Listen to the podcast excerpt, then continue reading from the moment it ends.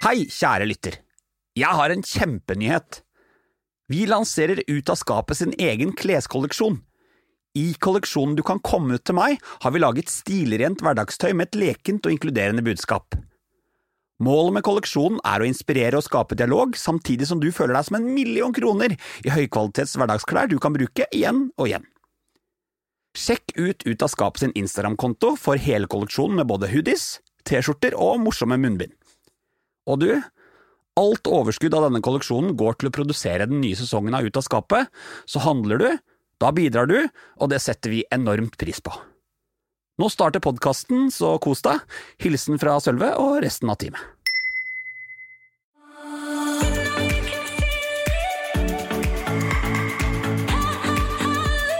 Hei, du. I dag er det Adam Skjølberg som leker i studio. Jeg husker at jeg så på vårt vennskap allerede da som noe annet enn det gutters vennskap var. Jeg skjønte at jeg var for glad i bestevennen min Raymond enn det jeg burde være. Jeg var, Ja. jeg var glad i ham på en annen måte enn de andre gutta var i hverandre. Ja. Som var mer sånn bøllete og, og ikke så følelsesmessig engasjert i hverandre. Mens jeg var lei meg når Raymond dro på ferie, for da var det lenge til jeg skulle se han igjen. Adam er komiker, forfatter og kjent TV-fjes som mange nordmenn har trykket til hjertet sitt. Du kjenner helt sikkert Adam fra TV-suksessen Homsepatruljen. I dag snakker Adam og jeg om homsehierarki, vi snakker om guttastemning, og ikke minst snakker vi om maskulinitet. I denne episoden lærte jeg veldig mye, det håper jeg du gjør også.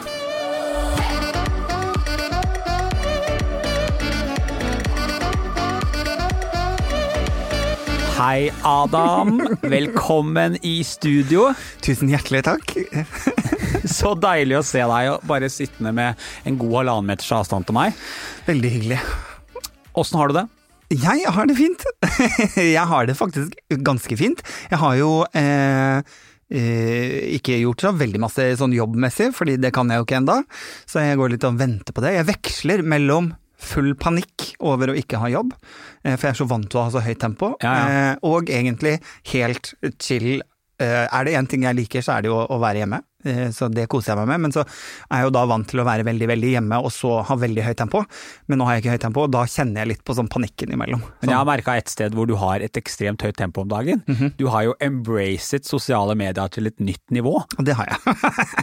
og det har, vært, det har vært litt sånn for egen psykes eh, skyld å ha noe å gjøre, eh, sånn at jeg ikke skulle bli gæren, for det kan jeg fort bli. Eh, sånn at det var viktig for meg å, å gi meg selv litt jobb, selv om jeg ikke på en måte har tjent noen penger på det. Så har jeg tenkt sånn at ok, men da kan jeg uppe gamet på sosiale medier, klippe litt, redigere litt, for det også er jo på en måte tidskrevende. Ja, ja. Så da har jeg hatt noe å gjøre, og det har vært veldig bra. For hvis jeg ikke hadde gjort det, så tror jeg jeg hadde kanskje klikka og blitt uh, litt ordentlig deprimert, tror jeg. Så ja, det har vært deilig å ha noe å gjøre. Og så har jeg på en måte kunnet liksom fin eh, liksom jobbe litt med profileringen min på sosiale medier, og kanskje bli litt tydeligere komiker. Og så liker jeg at det skal være Det, skal, det er så mye snakk om sånn hvordan la liksom profesjonelt være Instagram-profil, og pass på profilen din at den er ren, og at du er komiker på heltid og alt det der. Så tenker jeg ja, men jeg er også komiker på heltid med noe å si. Sånn Ja. at det skal være rom for å si noe, for det er en av de tingene jeg kan irritere meg over med andre eh, som profilerte influensere. At de ikke bruker muligheten sin til å si noe. Eh, så det, det syns jeg er viktig, og da er det jo viktig for meg å snakke om alle disse tingene som jeg er opptatt av, i tillegg til da humor og tøys og tull, da. Men ja, det har virkelig vært, eh, det har virkelig vært en eh, herlighet, og plutselig fått masse nye følgere, og det ja, gøy. Det er jo ekstremt deilig å kunne være komiker med hjerne. Ja. Er det ikke det? Jo, jo da, men det er veldig vanskelig, det må jeg bare si. Så det er ikke sånn at jeg syns at jeg er noe bedre enn de andre, for det er jeg ikke. For det skal også være lov for tøys og tull som ikke nødvendigvis eh, må, må ha noe dybde. Det skal det også være rom for. Men eh, for når man snakker om den der, å ha en tydelig profil, så må jo også det innebære for meg, da, at jeg liker å også si noe. Så må jeg på en måte rendyrke det, og ikke prøve å være noen andre enn jeg er, rett og slett. Jeg syns det er i hvert fall eh, ekstremt deilig å få lov til å følge eh, følg deg som gjør humor som er relaterbar. Ja. Det er det ofte jeg kan kjenne på, at du kicker innom en del sånne morsomme ting, situasjoner eller ting som gjør tenker at 'dette har jeg tenkt', Ja. eller 'dette har jeg gjort', eller 'dette har jeg hatt lyst til å gjøre'. Ikke sant. Eller sånn er vi alle. Så nei, det er veldig morsomt å se hvordan du kaster hyggelig. deg over social media. Takker og bukker. Det er eh, ingenting som er bedre enn det. Du, Ja. Nå er du i podkasten Ut av skapet, øh, og du sto øh, veldig høyt oppe på min liste å få hit. Jeg var så spent når jeg skulle spørre deg sånn forsiktig og ydmyk og ydmyk, det er ikke noe jeg veldig ofte er. Nei, det har jeg ikke noe inntrykk av. Nei, det er helt riktig. øh, hvordan jeg skulle få luret deg til å gjøre her, og så var du verdens rauseste sjel og bare selvfølgelig. Det syns jeg er ekstremt deilig. Og jeg skal bare kaste meg sånn rett på. Når var første gangen du kjente på litt annerledeshet? Eh, jeg er ikke så glad i når folk sier det, annerledeshet, eh, fordi alle er jo annerledes. Eh, alle har følt seg annerledes, så jeg er ofte veldig opptatt av at man skal liksom Annerledes i forhold til hva, da, ikke sant? Eh, og det forandrer jo egentlig det spørsmålet, for annerledes i forhold til hva? Eh, jeg følte meg jo annerledes fordi kanskje jeg var en gutt som var eh, veldig verbal da jeg var liten. Ja, ja, ja. Eh, og det var ikke de andre guttene. Jeg kunne være liksom følelsesmessig engasjert i samtaler på en annen måte enn en de fleste gutter var. Og så at jeg selvfølgelig var mer feminin. Eh, det også skilte meg sånn ut fra de andre guttene. Jeg var ikke så opptatt av klassiske gutteting som fotball. Eh, Eller leke krig, eller disse tingene her. Jeg var mye mer glad i å sitte på kafé og drikke mimosa i en alder av åtte. Så, så du hadde ikke noe favorittfotballag? Nei, og det har jeg fortsatt ikke. Jeg vet ikke, jeg skjønner ikke det fotballgreiene fortsatt. Men uh, nei, jeg, så jeg var jo nok annerledes i forhold til at jeg hadde andre interesser, var litt mer feminin og verbal enn det de andre guttene var. Og det kjente nok jeg på fra første skoledag, fordi før det så hadde jeg jo på en måte bare måttet forholde meg til de som hadde vært der fra jeg ble født. Ja, ja, ja. Altså familie, kusiner, fettere, søsken, alle disse tingene. Eh, og da var det jo på en måte fritt spillerom til å være meg selv, og så kommer man på skolen og begynner å sammenligne seg med andre. Og det er jo da man kan si annerledes i forhold til hva, i forhold til hvem sammenligner jeg meg med, da, i denne perioden som barneskolen var. Eh, så, ja. Det å, men det å kjenne på å være homo, at det var liksom det som var annerledes, at jeg Ja. var homo, Mm. det kom sånn sent barneskole. Jeg husker liksom tankene på at eh, kanskje dette er relaterbart for meg, dette med homofili, da. Ja, og, og tanken om at åh, jeg håper ikke det er det jeg er. Ja, for, for det der, det er jo eh, jeg, for, eh, jeg kan bare relatere til, eh, til min egen historie. For Mhm. Når du sier da slutten av barneskolen, så er det ganske tidlig, er det ikke det? Ja, jeg var jo eh, tidlig ute med det meste, Ja. egentlig. Og det handlet nok litt om, om barndom i forhold til det og andre ting som ikke har med legning å gjøre, men at man måtte kanskje vokse litt eh, fort opp og ta litt mer ansvar enn en andre barn. Og så eh, Vet ikke. For, jeg tror nok også det handler om at du kommer fra et sted hjemme der det der det var rom for å tenke disse tankene. Det var Ja. ikke noe stygt. Altså, homo var egentlig ikke noe sånn forferdelig ting som ble sagt i vår, vår, vårt hjem. Sånn at rommet var der for å kunne vurdere er det dette jeg er, da. Og så er det jo sammenligningen med de andre, altså verden der ute, det er jo den som på en måte blir negativ, da. Men fortell meg litt, jeg er jo da interessert i å høre litt mer om hva, hvordan var oppveksten? Altså hvordan, hva slags familieforhold har du vokst opp i?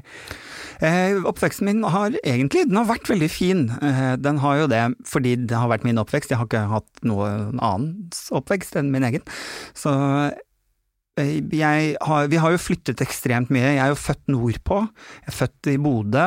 Hatt eh, sterke, sterke relasjoner til familien min som er på Kjerringøy, som er utenfor Bodø. Ja, Eh, og så flyttet vi oss sørover. Altså vi bodde jo flere steder i Bodø før vi da flyttet til Harstad, så flyttet vi til Kristiansund, så flyttet vi ned til Sandefjord. Så tror jeg vi har hatt sikkert fem-seks hus i Sandefjord eller noe sånt. ja, ja. Eh, opp igjennom årene, da, der vi endte i Sandefjord eh, i Vestfold, som jeg da gikk barne, ungdom og videregående.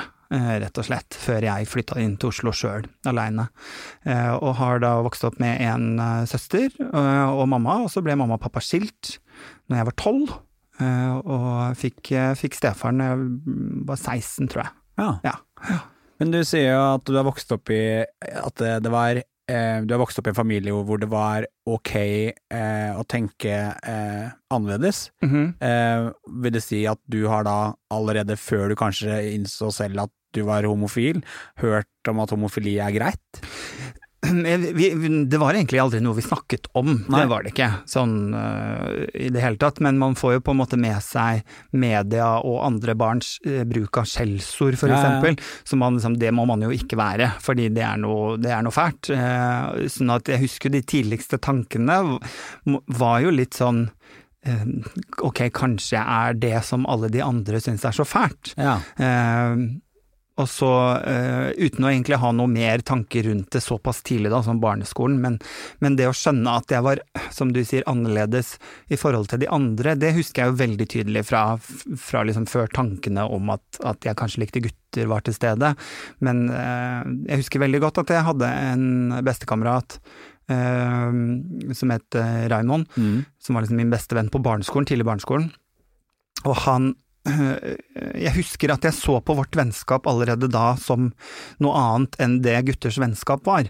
Jeg skjønte at jeg var for glad i bestevennen min Raymond enn det jeg burde være. Jeg var, Ja. jeg var glad i ham på en annen måte enn de andre gutta var i hverandre, Ja. som var mer sånn bøllete og, og ikke så følelsesmessig engasjert i hverandre, mens jeg var lei meg når Raymond dro på ferie, for da var det lenge til jeg skulle se han igjen.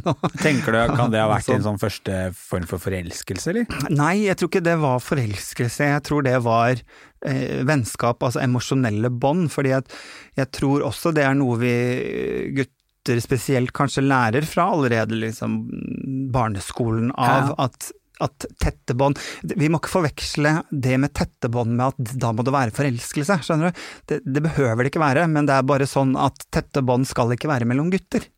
Det er jo mer en sånn samfunnsmessig eh, ting som, som jeg syns er interessant, at, at vennskap, tette bånd mellom gutter ofte oppløses på barneskolen eller ungdomsskolen, Ja. fordi det er ansett som femi, eksempel, eller homsete eller jentete, eller gutter skal ha kompiser, de, eh, og så skal man egentlig ikke ha, være så tett, da. Så, så, så nei, det var ikke noe homofilt over de tankene, men jeg skjønte at jeg, jeg skal ikke være så glad i bestevennen min, fordi at det er feil.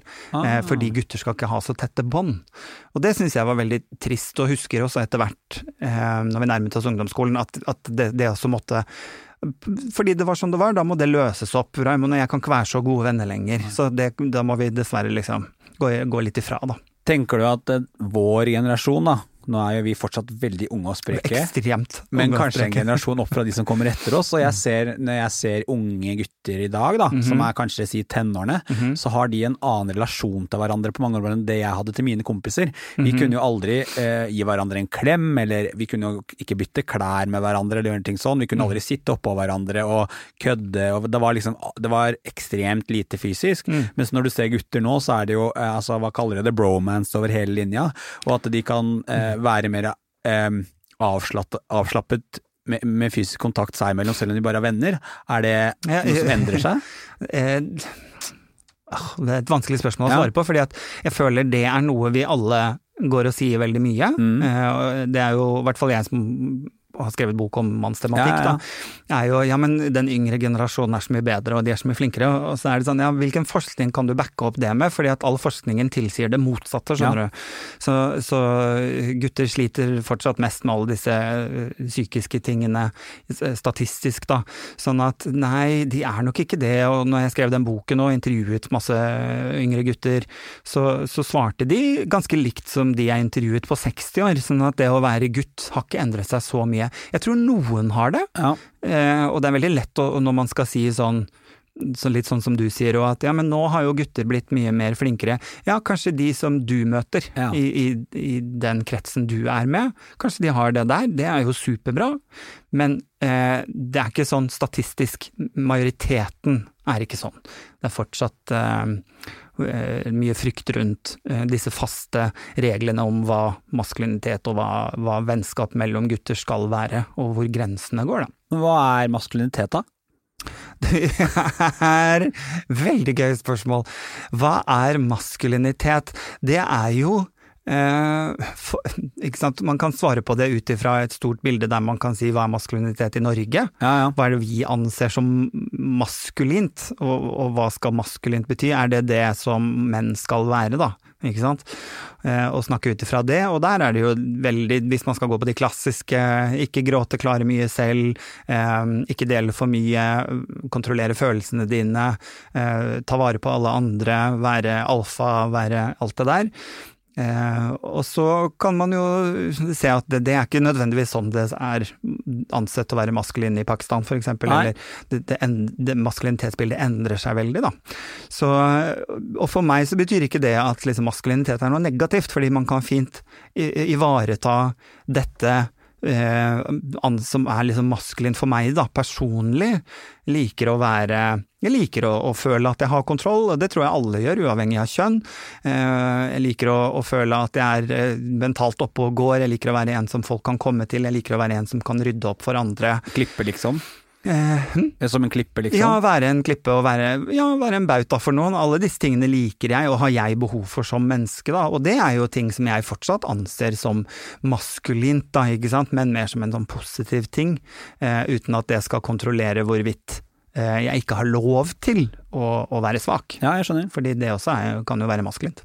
Jeg leste at du, det skjønner jeg nå, du syns eh, begrepet maskulinitet er litt sånn begrenset? Mm, ja, jeg syns kanskje det er ut ifra det vi i Norge i hvert fall, ja. har bestemt oss for skal være maskulint, er litt sånn begrensa. Det, det, rommer veldig lite. Eh, og det handler jo om å, kunne si majoriteten. Eh, vi, kan bestemme en kultur ut ifra hva majoriteten er enige om, da, at dette skal maskulinitet være. Og det er ganske, det, der er det ganske lite spillerom, altså du, før du havner utafor boksen. Eh, og, og, dessverre, i og med at boksen da er så liten, med alle disse tydelige reglene med ikke gråte, klare selv, være sterk, alt det der, med så tydelige retningslinjer, så er det også ganske mange som faller utenfor. Og det er der jeg tenker at menn har noe å kunne gjøre for å å ha det bedre mentalt, da, bedre mental helse for menn, da. Handler om å kanskje gjøre litt mer rom i boksen. For det å, å, å, å gå ut ifra retningslinjene betyr ikke at du er femi eller svak. Du kan fortsatt være like mye mann. Det er jo sånn Jeg, um, um, jeg tenkte på det her da, når du skrev bok, og når du skrev mhm. manual, så tenkte jeg sånn Nå skal en så skal jeg si det her, da, uten, jeg håper ikke du føler deg tråkka på nå, men nå skal liksom en Jeg velger å gå inn i krenkemodus, jeg bare sier det. Er du klar? Er, du klar for krenkemodus? Nå skal rikshomoen skrive mhm. bok mhm. for menn. Ja, flott. Kjente du noen gang på det? Ja, selvfølgelig. Eh, så var det jo en sånn rar ting Hvordan skal jeg klare å skrive en bok som menn gidder å lese, i hvert fall? Eh, og selvfølgelig at det kom til å være litt sånn fordommer rundt det at skal han homoen skrive bok om å være mann? Og så var det gøy, fordi at jeg satt med en venninne og sa at jeg hadde litt lyst til å begynne boken med det. At liksom, nå tenker du, skal han skrive bok om å være mann? Um, og at hvorfor skal jeg ikke det, da? Og da sa min venninne, så sa hun sånn, men hvorfor skal du, hvorfor føler du at det er Du er jo mann. Ja. ja. Eh, så hva, da, hvorfor skulle du ikke kunne skrive denne boken, uavhengig av om du er homo eller hva du er? Så tenkte jeg ja, det er jo sant, jeg trenger jo ikke forsvare at jeg er mann. Sånn at det, er, det blir dumt faktisk å ta med i boken. Eh, eller i hvert fall åpne boken med, da. Så men jeg måtte jo, jeg følte nok at jeg kanskje gjorde noen grep for å Jeg visste jo at liksom den heterofile mannen der ute har kanskje ikke lyst til å kjøpe denne boken hvis det er sånn lekkert glossy bilde av meg på forsiden. Altså, hva tenker du at paljetter ikke er, hadde vært paljetter? Nei, også, jeg tenkte liksom, ikke nødvendigvis paljetter, men liksom hvis det er full liksom, helfigurbilde av meg, så vil det kanskje være vanskelig for menn som, som sliter med maskulinitetsidentitet, da, å, å, gå ut av bokhandelen med en, en bok med et bilde av meg på. Og så ville jeg jo egentlig ikke at den skulle bare handle om meg heller, sånn at det skal ikke være en biografi. Og da eh, valgte jeg også å på en måte Vi brukte jo et utsnitt av egentlig skjegget mitt da, ja, ja. På, på forsiden. Eh, som gjorde den litt mer anonym, da. Som selvfølgelig også var sånn vurderingsting, for det er sånn jo, men hvis jeg er helfigur på boken, så vil det også være lettere å kjenne igjen at det er min bok, og da vil også kanskje flere kjøpe den av de som ja, ja. Ikke sant. Så det var jo en sånn åh, hva, hva, skal jeg velge? Men da gikk jeg jo heller for eh, og da gikk, da, da gikk, på en måte valget på at jeg ville treffe mennene fremfor alt, og, og da, hvis det går på bekostning av kanskje litt sånn boksalg, kjendisfaktor, så er det ok. Eh, så, så, ja, det, det, handlet jo litt om å gjøre den Gjøre utseende og format på boken eh, ikke så mandig som mulig, men så komfortabelt som mulig, uavhengig av kjønn, var det tanken var.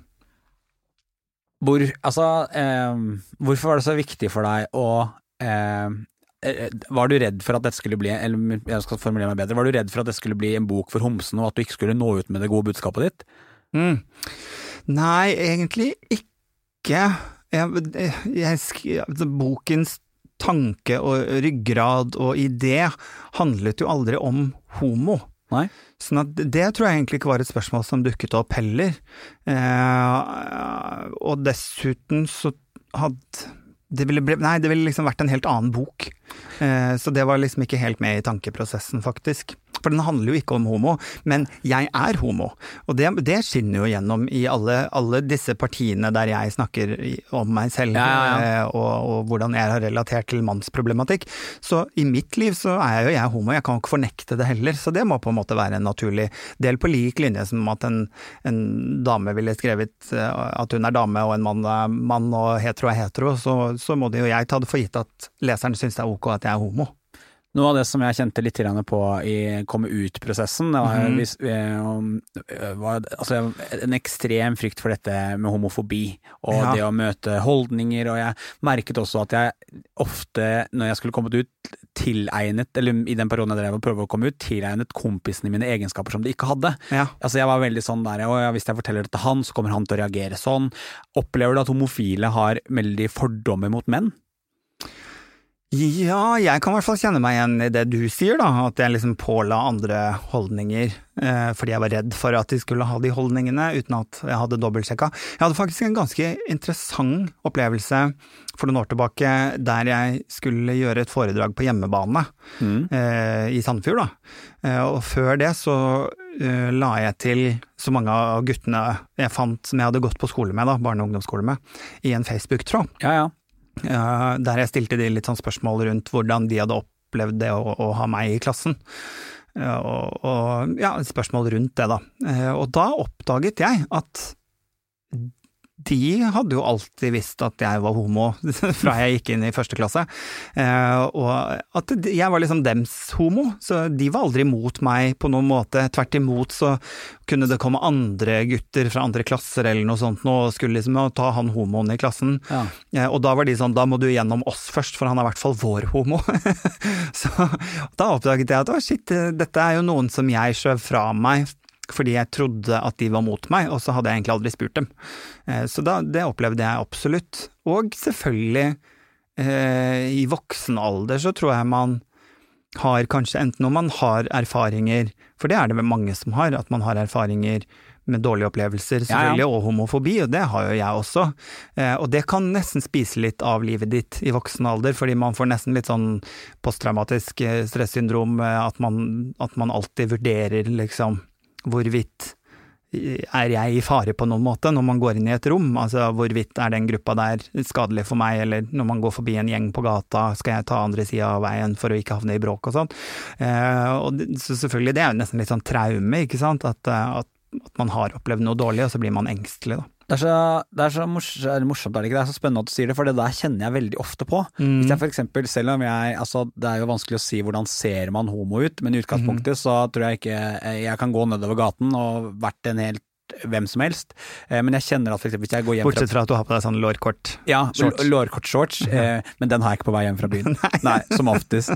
Men jeg kan ofte kjenne på det, da, hvis jeg er på vei hjem fra byen da, og mm. går alene og jeg ser f.eks. en guttegjeng, det kan, det kan være egentlig en helt ufarlig situasjon, mm -hmm. så kjenner jeg bare at pulsen øker lite grann. Ja, og så velger jeg kanskje en annen vei hjem ja, ja. Eh, forbi. Og, og, noe av det er jo helt naturlig, altså på, på, når du snakker spesielt om situasjonen på fylla på vei hjem ja, om natta, så, så, skal jo alle være liksom, spiller inn. Ja, da er jo liksom folk fulle, og hvis du ser noen som er bråkete humør, så selvfølgelig går man der, men jeg tror kanskje vi homser har litt sånn ekstra liksom, radaren på eh, for å, å se, se, an terrenget på veien hjem, da. Eh, og, til en viss del er det jo bra, men man skal nok også være litt påpasselig kanskje i hverdagen sin med at man, man må jo også gi folk en sjanse eh, før, de, før, du pålegger dem masse fobi, da. Ja, for den der sondering av terrenget, den opplever jeg selv at er der hele tiden. Ja, og den kan være ganske isolerende også, ikke sant. At man, eh, man kan gå glipp av gode vennskap, da. For det har jo jeg definitivt merket, spesielt i liksom arbeidet med boka og, og, de intervjuene jeg gjorde med gamle klassekamerater eller, ja, ja. eller kompiser også. Eh, der jeg, når jeg våget å på en måte tre, trå, liksom sette foten inn i gutta-stemninga, så var jeg egentlig tatt imot med åpne armer hele veien. Det var bare jeg som hadde latt være, da. Eh, så, så det, man kan jo oppleve å få noen fine vennskap også. Har du opplevd å miste noen? På grunn av at jeg var homo? Ja, eh, ja. Eh, Eller at altså, du har jo gjort mye forskjellig opp igjennom, ja. og du har jo gjort de stereotype tingene, mm -hmm. og så har du gjort det, det stikk motsatt. Har du opplevd at noen ikke har taklet den du har vært i disse ulike situasjonene? Er det noen som ikke har klart å stå i det?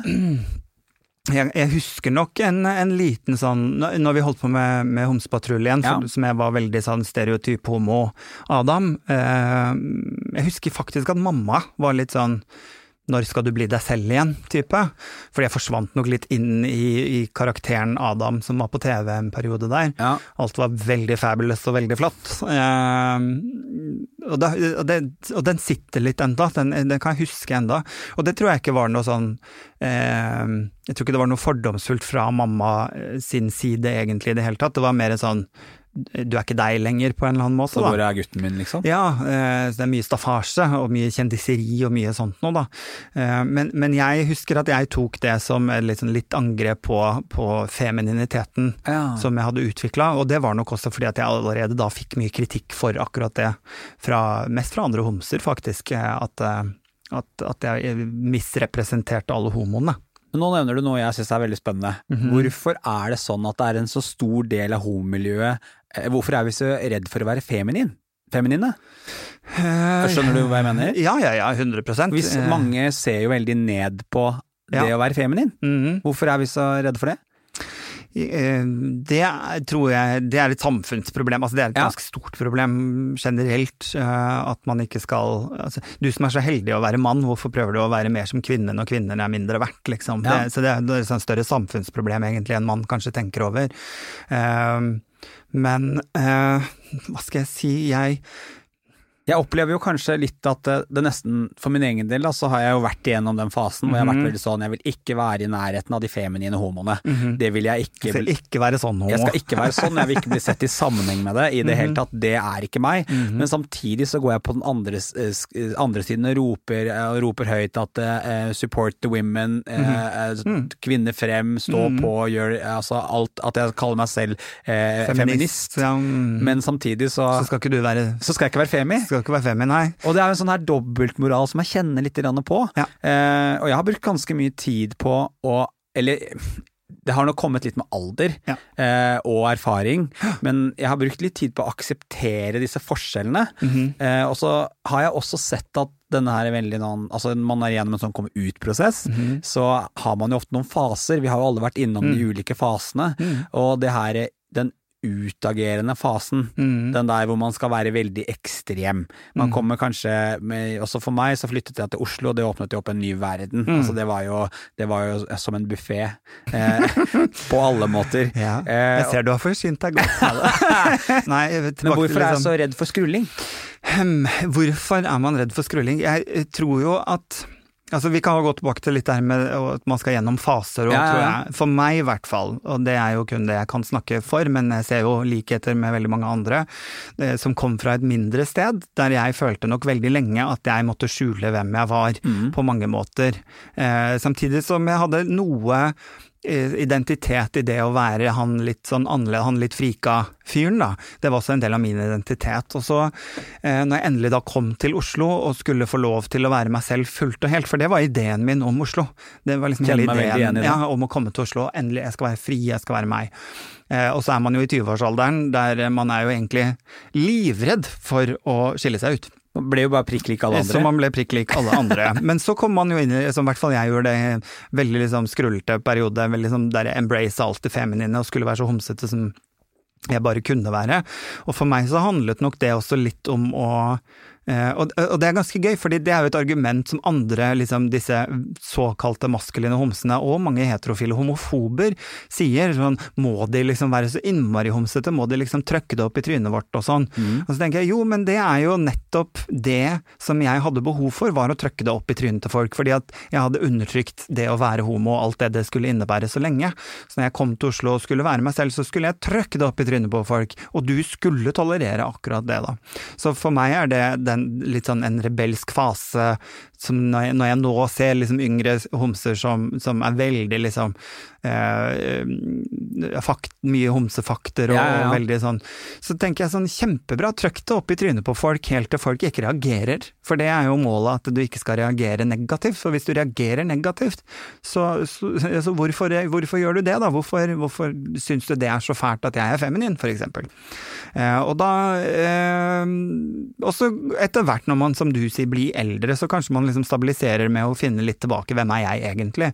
Og da handler det jo om å klare eh, å balansere, i hvert fall for oss menn, da, ja, homser, så er det jo noe med å klare å balansere forventningen om maskulinitet generelt i samfunnet for menn, hva mann er for noe, og samtidig som du skal klare å bære en stolthet i det å være homo.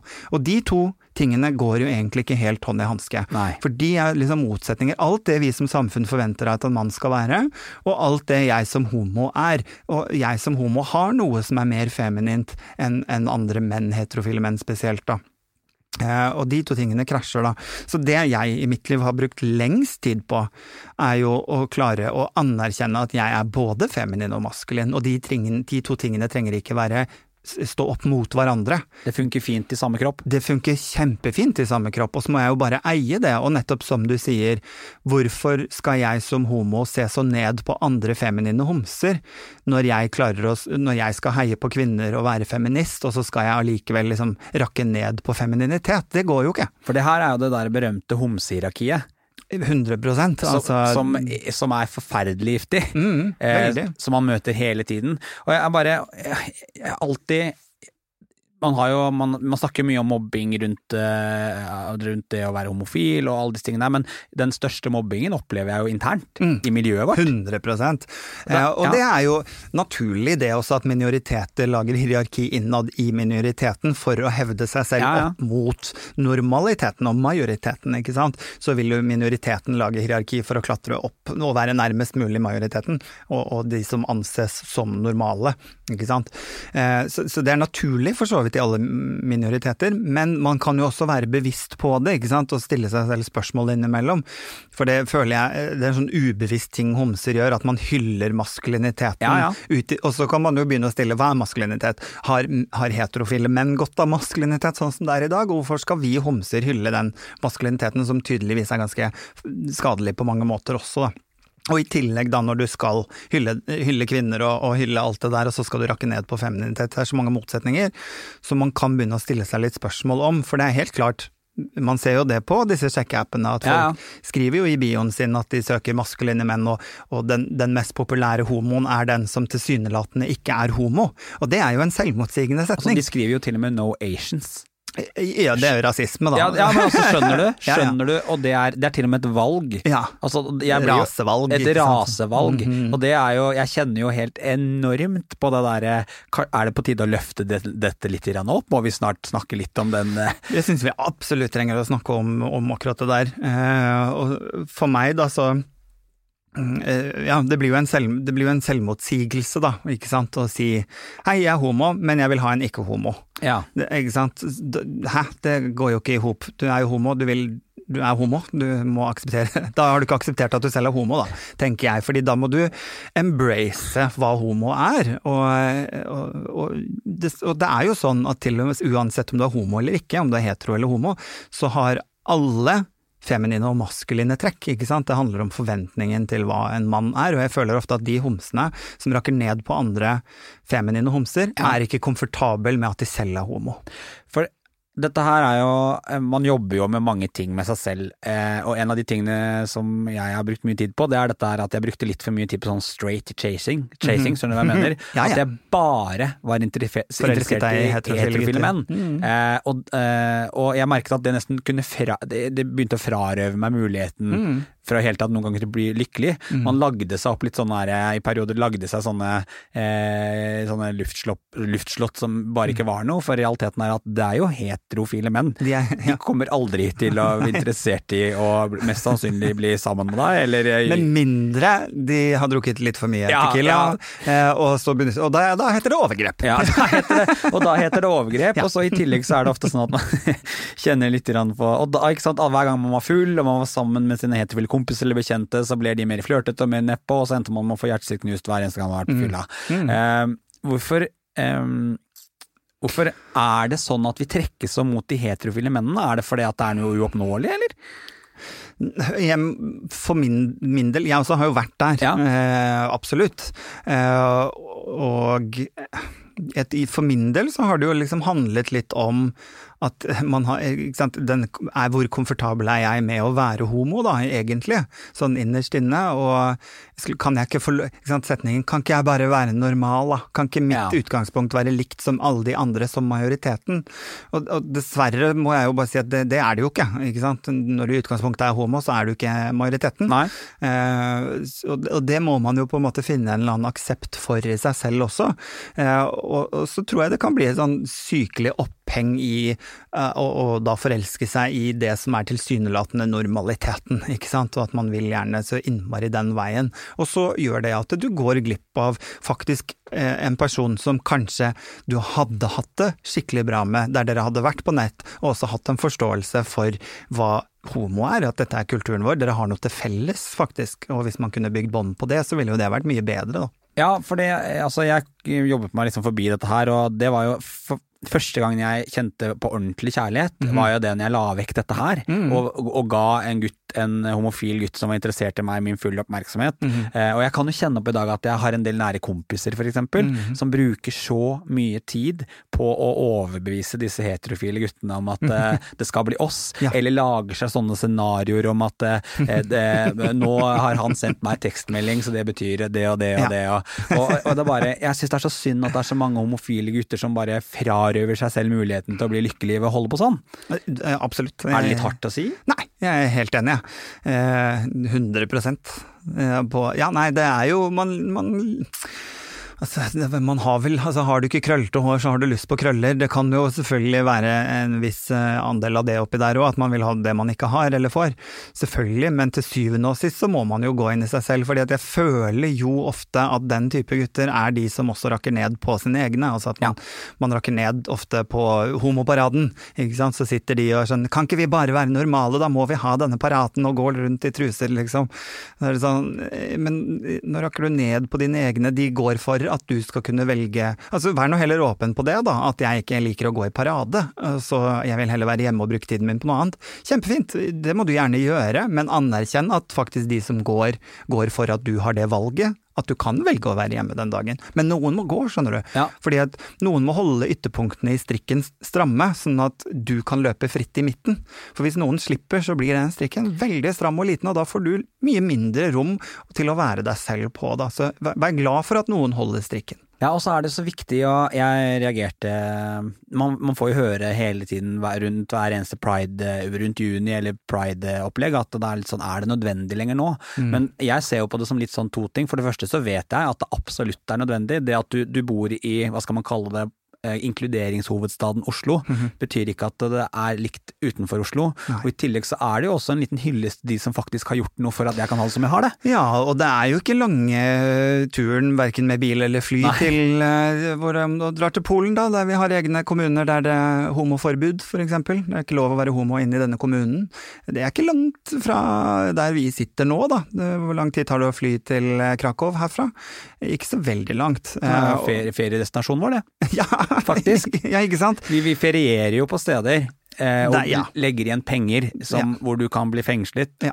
Så Så, så for meg det, handler det jo litt om at ok, selv om jeg i mitt liv har det bra, så, så er det jo ikke det, det skal ikke så mye til før min frihet kan bli skrenket inn, og det er der jeg prøver å fortelle liksom andre, spesielt heterofile, som, som kritiserer eh, homoparaden eksempel. Så er det sånn, ja men din frihet er medfødt.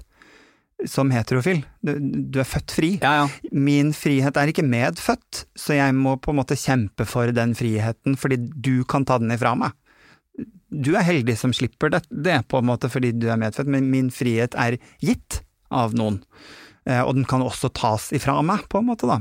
Og det er jo liksom skummelt å tenke på at min frihet kan, kan bli tatt vekk fra meg når som helst. Så derfor er det viktig å, å kjempe for det, eller i hvert fall være bevisst på det, da. Er det noe du misunner heterofile? Nei, skikkelig ikke. Jeg eh, tenker så ofte at så heldig jeg er som er homo, fordi at jeg føler meg innimellom eh, helt, Og det, det sier jeg liksom, jeg får jo noen ganger henvendelser fra liksom yngre, yngre skeive mennesker som, som tar kontakt og, og enten vil fortelle meg noe, eller ja. Eh, og da prøver jeg å si til de at liksom, se på deg selv som eh, Se på deg selv som en blomst på grå asfalt, se på deg selv som det ene blomsten i, i enga som stikker litt høyere enn de andre. Og det handler om at eh, man som homo, eh, eller lesbisk, som ganske ung, må allerede tenke gjennom hvem er jeg? Si du må tenke gjennom det, så om du er 12 eller 15 eller om du er 18 eller hva det nå enn er, men ganske ung, da, så må du allikevel gå inn i deg selv og liksom hvem er jeg? Og så må du faktisk komme til konklusjonen jeg er homo eller lesbisk, eh, eller trans eller hva det nå enn er. Du må, du må faktisk tenke prosessen ferdig jeg, de fleste heterofile men, vennene mine har ikke engang begynt å tenke gjennom hvem de er. Nei. Jeg gjorde det når jeg var tolv, jeg. Ja. Eh, sånn at jeg vet veldig godt hvem jeg er, og jeg vet til og med at jeg valgte å si det høyt i en alder av 13-14 år fordi jeg ikke hadde noe annet valg. Uansett hva den konsekvensen var ved å si det høyt, så måtte jeg si det høyt, for det er min sjanse til å bli lykkelig, er at jeg må si det høyt. Og om det gjør Og det ser man jo da i andre land. Folk sier det høyt selv om de vet at de kan bli drept for det. De sier det høyt selv om de vet om de kan komme i fengsel. Det er en ganske stor konsekvens å skulle svelge i en så ung alder. Så ja, du som er 12-13-14-15 og sier høyt du er homo, da er du, du er X-Men. Du er større enn de andre, du er sterkere enn de andre, eh, og du er en blomst på grå asfalt. For det, jeg opplever jo jeg, så, jeg er veldig glad for at du sier det, for jeg opplever at eh, i venn, altså rundt meg og rundt i min vennegjeng, så er kanskje de som står stødigst i hvem de er og hvor de er i livet og hva de skal videre, det er mange av de er jo um, homofile, lesbiske, fordi de har vært igjennom en prosess. -hmm. Jeg syns det var et sykt godt poeng det du sier der med at vi har kanskje ble tvunget til å ta et standpunkt eh, og litt tidlig. Nei, det der er åh, det er så spennende. Det er ikke, jeg må si, det er deilig å være homo, altså. Ja, ja, 100 Eh, Det er jo så mye bedre. eh, Så mye gøyere. Generelt. Man kan ta det ned på sånn dustenivå også, på en måte, med eh, bare så utrolig bare, Hvor vil du helst gå? Heterobar eller homobar? Ja. Hvor har du det gøyest hen? Kom igjen, altså, har du vært og bare sånn, eh, de enkleste tingene. Toalettet på heteropub, Ja. guttedo. På eh, eh, Nei, interiøret på heterobar. Ja, jeg vet. Eh, musikken de spiller på heterobar Kom igjen, da. Liksom, hva da skal de stå der, og så spiller de Hva er det de sånn, det som du skyver på sånne brikker? Shuffleboard. Shuffleboard. Ja, jeg vet. Seriøst. Jeg var og Liksom. spilte shuffleboard for litt siden, Ja. og det er det mest heterofile jeg har gjort. Det er så utrolig. Veldig, jeg også har gjort og det. Jeg synes det er gøy. Jeg, jeg også syns shuffleboard kan være gøy, det er ikke det, altså. Men det er, det er noe med bare liksom forskjellen på, på Altså, vi homser har det mye gøyere enn hetero. 100% Vi har det bedre. Vi er bedre. Sorry, jeg innrømmer det nå. Vi ser litt ned på dere heterofile, vi gjør det. Tror du at, tror du at det der, når jeg spør deg om det at du misunner heterofile, om du øn- misunner de ting kan det ha Jeg noe misunner dem rettighetene de har, Ja, for det var det jeg lurte på noen ganger, men kan, du, kan det ha at du har tatt noen valg som, eh, som i livet ditt som gjør at du, eksempel med barn, da, Mhm. eh, det er jo en, potensielt en litt større utfordring hvis du som to menn skal skaffe deg et barn, enn bare det er for heterofile. Hvis. Ja, ja. man skal se sånn eh, Altså, Tror du det at du ser på det sånn at egentlig ikke misunner du noe, at du også har tatt et valg om at du, du ikke skal ha barn, eksempel? Har du tatt et valg om det? Kan jeg spørre om det? Jeg har, jeg har jo eh, jeg har tidligere prøvd å få barn, Ja. eh, og, og der det ikke gikk. Jeg tror nok jeg i mitt liv tok det for gitt at jeg skulle bli pappa. Jeg, tror, ikke, jeg tror ikke jeg så at dette kunne bli en hindring på veien, det homogreiene, eh, før jeg egentlig liksom sto der og to, hadde tatt det for gitt og tenkt sånn ok, da, nå skal jeg prøve å bli pappa, og da var det sånn å ja, men jeg er jo homo. Eh, jeg har jo ikke noe livmor. sånn at eh, jeg tror ikke jeg så det ble et problem før, før det var det. Eh, og at jeg da hadde tatt for gitt. Og så eh, var jeg i en prosess der jeg prøvde å bli pappa, der det ikke gikk. Og da måtte jeg for første gang i mitt liv på en måte løfte opp det kortet i kortstokken som het kanskje du ikke blir pappa. Ja. Eh, og det føltes urettferdig at det valget ikke var mitt. At det valget på en måte skulle tas At det, ta, noen andre skal ta det valget for meg, fordi at jeg ikke kan. Eh, og så mm, Jeg tror i dag så er jeg liksom tilfreds med at det også er en del av kortstokken. At Ja, ja. det kan hende at jeg ikke blir pappa. Og det har med litt sånn andre ting å gjøre i forhold til Jeg vet ikke om jeg syns det er forsvarlig å sette enda et barn til på denne jorden eh, i det hele tatt. Eh, det er jo ett valg, og så vet jeg at det er veldig mange barn der ute som, som heterofile ikke klarer å ta vare på, som jeg kunne tatt vare på. Ja. For? Og det kunne løst seg på en annen måte, da. Så, så at jeg heller ville gjort det kanskje i dag, nå som jeg på en måte har måttet tenke gjennom den prosessen. Det betyr ikke at jeg i dag står på et sted der jeg skal bli pappa, eller at jeg heller ikke skal bli pappa. Du har ikke tatt noe valg? Jeg har, ikke, jeg har ikke tatt noe valg, men jeg har, jeg har løftet opp kortet som en del av mulighetene om at jeg ikke kanskje blir pappa, og at det også er helt greit. Også- Ja, for du har kanskje akseptert at det er det som blir veien? Ja, eller ikke akseptert altså, Men jeg, det, kan, det som er sånn rart, er at, som jeg må si, og det har jo kanskje også med at jeg har skilte foreldre å gjøre eh, selv, men jeg tror ikke fordi jeg, Og det å få seg barn med en annen mann kjenner, Jeg stoler mer på meg som pappa enn jeg stoler på meg som partner. Eh, så jeg skal ikke dele mine barn med deg. Hvis dette blir slutt, så er det mine barn. Da er det du som går, ikke jeg. Mine barn skal være mine barn, og da skal jeg ha de barna når du går, eller jeg går fra deg, da. Så jeg stoler mer på meg selv som pappa enn som partner, vil jeg si. Eh, og der har jo jeg en sånn utfordring, fordi at mm, jeg vet ikke om jeg ville fått barn med en annen mann. Eh, jeg vil ha mine barn, og så skal jeg kunne velge å ha en annen mann. Men er det fordi at du altså, Har du ikke noe tro på at uh, parforhold mellom menn varer, eller? Jo, jeg har det. Veldig. Mm.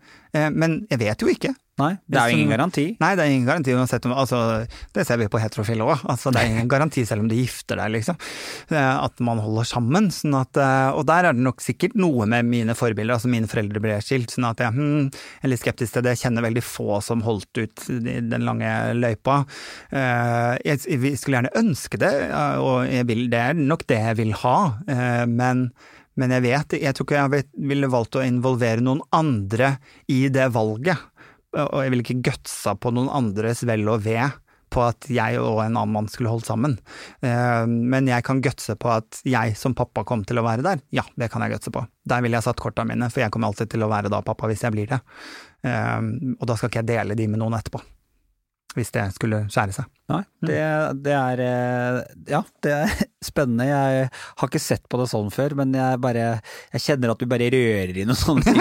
Du rører i noen ting i meg nå som er litt sånn For jeg har, jeg har tatt et veldig klart valg Ja. tidlig om at jeg ønsker ikke barn, Ja. og har også sagt for hvert år som går at jeg kjenner at dette her blir mindre og mindre aktuelt for meg. Mhm. eh, og jeg har også vært i, et, eh, vært i veldig fine, stabile forhold, men har også der vært veldig sånn klar på det. Men nå har jeg plutselig begynt å kjenne sånn skal aldri si aldri, for du vet jo ikke hva som skjer. Nei, og, og, og- det der med liksom se på forholdet og barna, altså mm, Det er litt den der følelsen, jeg stoler mer på meg selv som pappa enn som partner, på en måte.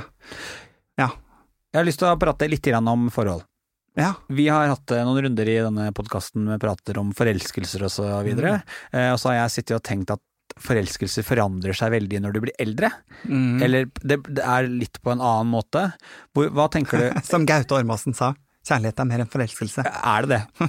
Er det det? Altså Med Gaute Ormåsen så sier jeg ja til hva som helst, men Ja. eh, ja, og vi kommer, altså for å si det sånn, jeg, han var min favoritt Ja, i tror jeg. Idol. Absolutt min favoritt. Fortsatt Med litt, litt sånn knekk i stemmen. Oh, ja. Var det samme året som Kurt? Jeg tok ikke jeg tror, jeg, jeg, jeg, jeg, jeg, jeg, nummer to ja. mm. Mm. Gaute tok toeren. Ja, det og det Ja, nei, jeg sto, sto godt til det, men jeg lurer da nå, nå fikk jeg en sånn flashback back to the days. Jeg burde skjønt på et tidligere tidspunkt at jeg var homo. Ja. Men eh, tror du det er eh, Hva er en forelskelse nå kontra tidligere? Er opp, altså, forelsker du deg fortsatt? Mm. Uh, hmm. Jeg Hvordan er datinglivet? altså, Kan jeg spørre om det? Ja, jeg har liksom tenkt litt på det her med Og det tror jeg Jeg tror veldig lenge at jeg tenkte at jeg kan ikke bli Jeg tror ikke jeg blir forelsket igjen, på en måte. Det tenkte jeg nok veldig lenge. Eh, For jeg husker også veldig godt følelsen av tenåringsforelskelsen da jeg var så forelsket at jeg gråt. Jeg var så forelsket at jeg gråt meg i søvn om kvelden. Ja, ja. Altså, det var alt. Aldri til å bli sammen med han. Han var selvfølgelig heterofil og sto på skateboard i tillegg. Han var verdens fineste fyr. Jeg var så forelsket at det gjorde vondt fysisk, da. Ja, ja. Eh, og så tenkte sånn kommer aldri til å skje igjen. Men så, så skjedde det jo igjen plutselig, sånn ut av det blå i voksen alder. Eh, og, jeg ble stormende forelsket, liksom, og ja. Så jeg vet på en måte at det, kan, at det går jo an. Det kan faktisk skje.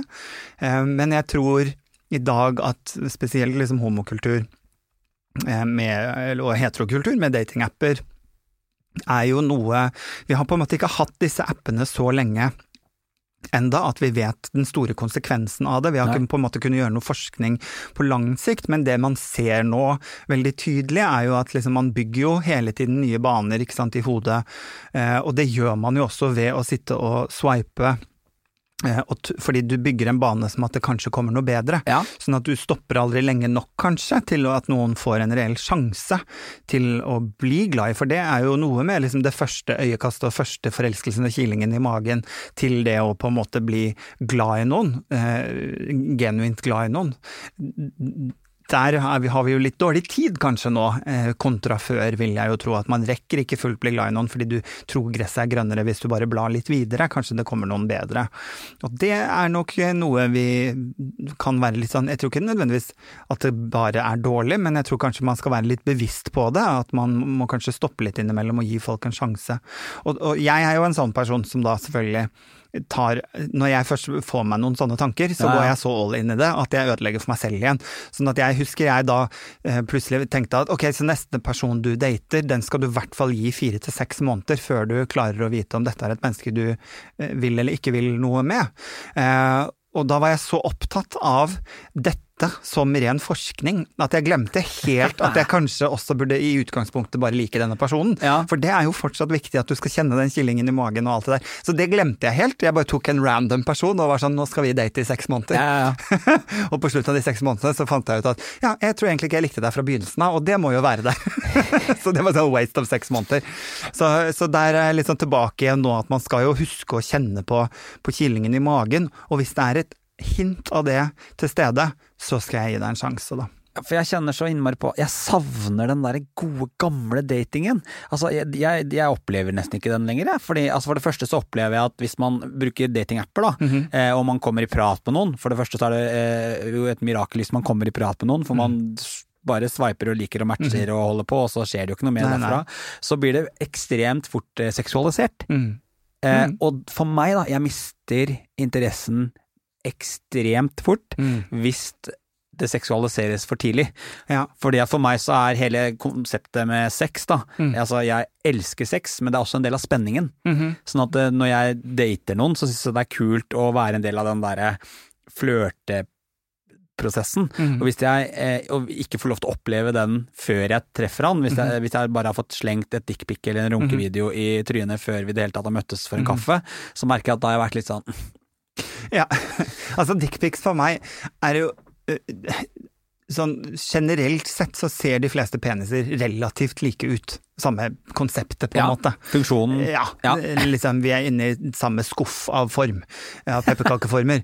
Eh, sånn at for meg handler det Jeg syns det er veldig rart at jeg har sett tissen din før ansiktet ditt, for det er antageligvis det er der oppe tenningen min ligger. Ja, ja. Den ligger ikke For de fleste tisser ser ganske like ut. Ja. Sånn at det, det, det er et annet sted. Men det skal også sies at eh, det kommer an på hva intensjonen min er hele tiden, fordi intensjonen min har også vært nå er jeg steinkåt, jeg trenger å ligge med noen, men jeg vil fortsatt se mer enn bare tissen din før vi to eventuelt hooker opp. 100 eh, Jeg trenger mer enn det. Eh, samtidig så er det jo også de dagene der jeg ikke har som intensjon å få meg et ligg, mm. der jeg har som intensjon å møte noen, da. Og da, også, da kan jeg bli irritert hvis jeg får et dickpic, fordi Ja. dag var ikke intensjonen min. For det er lov å ha forskjellige intensjoner, avhengig av liksom, hvor jeg er hen i livet, da, ikke sant. Men det må man jo også være tydelig på. Det opplever Altså, det er jo ikke lov å sende dickpic til noen som ikke har bedt om det. Nei. Det er ikke lov. Punktum. Lenger. Det har, vært, det har vært mye overtredelser der. Ja, men punktum, det er ikke lov. Eh, så, det jeg alltid syns er veldig gøy, da, spesielt på liksom sånn homodate-apper, er når folk skriver 'hei', og så sender de med et dickpic Ja, uten at jeg ja, har bedt ja. om det. Og så This is my penis. Yes, hello. Eh, og, så, eh, og, så skriver, og så sender de det til meg, og så ser jeg på det, og så tenker jeg sånn ok, I'm not, ikke interessert, men da gidder jeg jo ikke svare sånn stygg tiss, eller jeg er ikke interessert. Altså, det, da bare svarer jeg ikke. Nei. Hvorfor starte en samtale med dette mennesket? Du shamer ikke penisen. Nei, jeg shamer ikke penisen. Men det gøyeste da, er at når de da skriver eh, du da? spørsmålstegn. Ja. Og, så, og da har de stilt konkret et spørsmål som jeg nå må svare på. Ok, eh, jeg har dessverre ikke noe dickpic å sende. Eh, og så blir de sure. Og så er det sånn, hvorfor blir du sur for at du sendte det? Da er de sure for at de sendte det først. Ja, ja. Og, ja men det er, så, er så, det er så godt poeng det der, for jeg, jeg, det er så varierer så fra dag til da angrer de plutselig. Bare sånn, å, Ja. nei, nå sendte jeg det uten å spørre. Det var dumt, for nå får jeg ikke noe retur. Og, så angrer, og det er det de blir sure for, tror jeg. så, så det går på stoltheten? Ja, da tror jeg det gikk på stoltheten. For jeg, er så, jeg merker at jeg er så det er så avhengig av hvilken dag, om jeg setter pris på det eller ikke. Og, og. Ikke sant? Sånn som i går, så bare satt jeg og skravlet med en fyr som var eh, litt søt. Vi har sendt fire meldinger frem og tilbake. Og så får jeg penis i ansikt. Ja. Penis i monitor. eh, og da ble jeg skikkelig irritert. Ja. I går. I går. Hadde det vært dagen før, så hadde jeg mest sannsynlig satt stor pris på den. Og så da, da får jeg en sånn indre konflikt. Ja. For jeg bare sånn, da sitter jeg sånn, hvem er jeg egentlig? Hva vil du? Men det er lov å være flere ting, ikke sant? Vil du ha hus og barn og familie og, og, og, hånd, i- og hånd i hånd? Ja. Og vil du ha noen som kan være der når du går på trynet? Ja. Eller vil du bare ha kuk i trynet? Ja. Takk, begge deler. Ja, men Jeg vil ha en kuk i trynet når jeg går på trynet. Åh, herregud. Jeg er også imponert over hvor fleksible noen homser er, for de er utrolig gode på å få tatt bilde av rumpehullet sitt. Det der imponerer meg. Men generelt å ta en dickpic òg er liksom noe med vinkling og lys, altså. Har du opplevd å få en dickpic og så bli litt overrasket når du ser den IRL? Eh, nei Har jeg det? Det er, viktig, det er viktig at vinkel på dickpics, det er et eh, Altså her snakker vi masterstudie. Ja. Det er viktig. Jeg lyste fullt lyssatt og, og det, det, Men det jeg syns er gøyest med sånn dickpics, er ofte jeg, Det jeg gjør, er at jeg analyserer resten av rommet. Jeg zoomer inn, jeg ser hvilke bøker er det som ligger i bakgrunnen. Det er det jeg gjør. Du kjører en, Har du sett Don't Fuck With Cats på Netflix? Åh, jeg har ikke orka ennå. Nei, er, nei den, er ikke, den er veldig bra. Den Ja. er ikke så grusom som mange s- Nei, ja, sånn, jeg sa til. sånn. Men der gjør de jo det, ikke sant. Der Ja. skal de finne en crazy person, og så er det Ja, ikke sant. Og så sondere rommet rundt, da. Det er ofte det. Hva slags sengetøy er det du har, hva slags bukse har du? Har jeg lyst til å bli pult her? Ja. Det er det det Har jeg lyst til handler å om. bli drept her? Nei, det har jeg ikke. Åh, herregud, du. Denne samtalen her, den setter jeg enormt pris på. Jeg elsker så godt at man bare kan liksom streife innom alle de forskjellige, eh, de forskjellige tingene, alle de forskjellige aspektene, uten å få liksom øreflippen på skuldrene. Ja. Det er eh, Ja, det setter jeg veldig pris på. Men rumpehullbildet, det er kanskje det rareste. Det skjønner jeg ikke hva man eh, De er jo prikk like. Nei, det er det ikke. Det er noen som ser ut som de har hatt slag. Nei, fy søren. Nei, jeg vet ikke hva slags rumpehull du Herregud, her prøvde jeg å forsiktig stoppe denne praten, og så gikk det rett inn på rumpa. Slagleppa. Slagleppe. Nå skal jeg faktisk vurdere om det er slagrumpe. Men jeg får ofte rumpehull. Får du det? Ja, Ja. men Er det fordi folk tar for gitt at du er topp, liksom? Ja, ja. Mm, De gjør det. Jeg er jo akkurat i en fase nå hvor jeg begynner å switche. Ja, jeg, det, det, kommer er jo også 30-åra. Jeg syns det der også er en veldig rar Jeg faktisk, det gjør jeg hvis jeg er inne på apper, og de har i bioen sin topp eller bottom eller Ja, ja. aktiv eller passiv, eh, en av delene, så sveiper jeg forbi dem med en gang. Fordi jeg syns det er en veldig rar ting å kunne si at jeg er kun aktiv eller kun passiv. Fordi for meg så handler det i hvert fall om eh, energien jeg har med det mennesket jeg møter. I så fall så begrenser du jo også veldig hvem du på en måte kan ha et partnerskap med. Hvis du Nei, jeg er bare passiv, jeg. Så jeg, jeg kan aldri være aktiv. Men hvis eh, Altså, ja, du begrenser deg jo veldig, og sex skal jo, er jo Det skal jo være lek og gøy. Kan man ikke bytte litt på det? Når man holder på, må det liksom være kun den ene som Jeg har aldri skjønt det der. Det kommer helt an på hva slags menneske jeg er sammen med. I forhold til liksom om, den, om den personen har en mer dominerende energi, så ok, da kanskje jeg må være passiv, eller noen andre settinger så er det jeg som har liksom mest dominerende energi. Men det betyr jo heller ikke at liksom Altså nå har du jo skru, liksom skrullete femihomser som løper rundt og er aktive, og motsatt. Altså du, du har jo ingen anelse, og det syns jeg er bra. At det her skal det være litt mer slingringsmonn. Eh, ikke, ikke lås deg selv i en bås med at 'dette er kun det eneste jeg liker innen sex'. Da har du ikke hatt veldig mye sex. Da må du prøve litt mer. Hvordan tror du du høres ut når du kommer? Jeg vet det. Åssen da? det er, jeg lager mye lyd. Kan vi få et eksempel? Nei, vi kan ikke få et Der tråkket du langt over, men jeg, jeg skal faktisk neste gang jeg kommer Er det brølete? Det er eh, Nei, det er mer sånn høyt stønnete. Nei. Altså, jeg vet at nå er det kamera på her, og jeg merker at dette her, dette klarte jeg ikke å stå i, og jeg tror at jeg kan stå i alt. ja, men For det jeg syns er det gøyeste, er jo for, Altså, det er jo kanskje Jo, men det er bedre med lyd enn ikke-lyd. Det må jeg jo bare si. Du har de som Du vet de som um, får sånn hamster, sånn kaninpust? Ja. Ja. Åssen er det? Nei, nei, det syns jeg er Som litt spesielt. liksom, de holder det inn, de imploderer. Jeg, ja, nei, jeg er nok litt mer spesiell. Jeg, jeg har også en tendens til å banne. Hæ?! Ja. Det må du sjekke ut med en terapeut. Jeg har en liten sånn å fytti helvete, jeg vet det. Hæ, det Så- er jo kjemperart. Ja, ikke sant? Hvis jeg banner, så er det veldig Ja. bra. Jeg har fått lættis noen ganger fordi det kilte så fælt. Eh, Sånn god kiling i kroppen, så jeg har fått lættis et par ganger. Og det, det, det opplevde jeg at den andre personen syntes var litt rart. Altså at du lo når du kom? Ja. Sånn, Jeg syns jo på et generelt nivå at man Jeg vet ikke, det er jo deilig å le når man har sex, men skal, man skal kanskje bygge opp situasjonen. Man skal ikke bare begynne å le, for da ville jeg kanskje kjent litt på det. Ja. Det var sånn, Dette var latterlig, eller var det latterlig godt? Ikke sant? Det var latterlig godt, da. Så ja. Mm. Men altså, jeg banner, og du ler. Nei, jeg også har nok Jeg ler ikke, det har bare skjedd noen ganger. Eh, Men det har skjedd, Det har skjedd, det har skjedd, det har skjedd. Men ja, jeg banner ikke. Men, eh, men ja, jeg, også en, jeg lager nok en sånn stønnelyd. En sånn frigjørende stønnelyd. Det har jeg nok. Men jeg har ikke, ikke brøl, heller ikke innadvendt implodering. Nei. Eh, men ja, latterkrampe eller, eh, eller høyt stønn. Du, sånn avslutningsvis. Her er vi ferdige? Ja, vi er ferdige. Ta en dobbel episode. Vi tar, sånn, ja, jeg begynner nå å kjenne litt på om jeg skal gå vekk fra dette her, så vi bare skal bli sittende her. Kjøre som maraton. Kjører som 24 timer live. Big Brother! Å, her kommer det ideer på Tenk hvis vi nå skulle sitte her i 24 timer. Da ville jeg faktisk uh, hatt uh, bobler. Uh, Ja, da måtte vi hatt noe å drikke. kjenner jeg litt grann på. De holder ikke bare med vann på flaske. Nei. Hvis du skulle gitt et råd Mm. til lytterne, Mhm. ehm, eh, hva ville det vært? Veldig mange.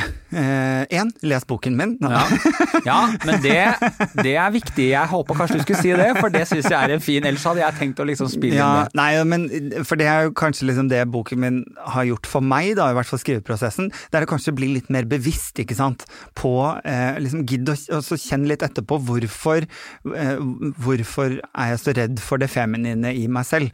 Eh, og våg å kjenne på at det er helt ok å være både maskulin og feminin, og eie begge, begge delene, begge sidene. Vi er alle både maskuline og feminine, eh, og, og gjør deg liksom opp noen tanker med det, og heller vær stolt av at du er som du er, da, istedenfor å gå rundt og prøve å være mer eller mindre av det andre. Fordi det, et, et helt menneske som er helt ved, krever faktisk at du er både maskulin og feminin, så ikke shame det ene eller det andre, da. Det var spot on. Mm. Jeg tror, vi har, tror du har laga deg en ny sånn Instagram-kåt her nå, for å være helt ærlig. Så plutselig så blir du sånn eh, deilig, deilig sånn eh, coach eh, Ja. på internettet. Kommer ikke til å skje. Du, kjære Adam. Ja. Tusen takk for at du hadde lyst til å være en del av Ut av skapet. Veldig hyggelig å være i- ute av skapet. Takk for at du hører på podkasten Ut av skapet. Det betyr mye for mange. Informasjon om dagens gjest finner du i episodebeskrivelsen. Sjekk alltid ut fine folk på sosiale medier. Denne podkasten er helt avhengig av deg, så er du glad i Ut av skapet, del om du lytter, og rate oss gjerne der du kan rate podkast. Jeg gleder meg skikkelig til nye skeive historier neste uke. Vi høres!